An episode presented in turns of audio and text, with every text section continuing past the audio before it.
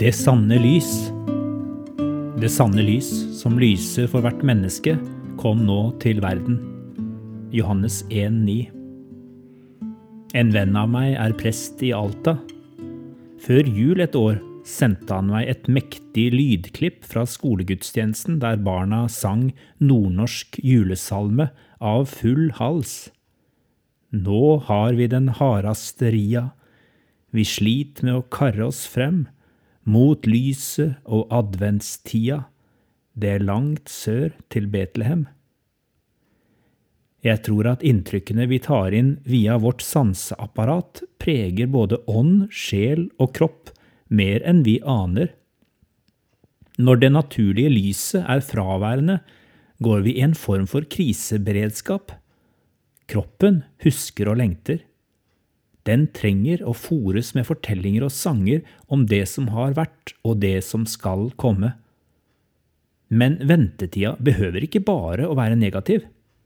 Å kjenne på lengsler og savn kan gjøre oss mer takknemlige for små øyeblikk av lys og varme. Er det også din erfaring?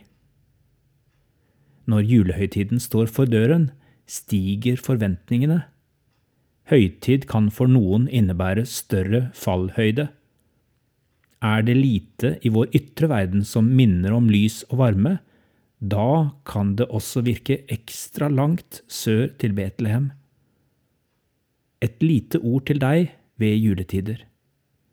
Evangelisten Johannes forsøker å si at lyset er mer enn et forslitt bilde på han som ble født en mørk julenatt. Det er Jesus som er det sanne lyset, det virkelige lyset. Alt annet lys har sin kilde i ham.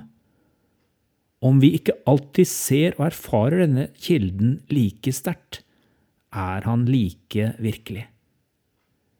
Derfor sang barna i Alta videre på Trygve Hoff sin vakre salme.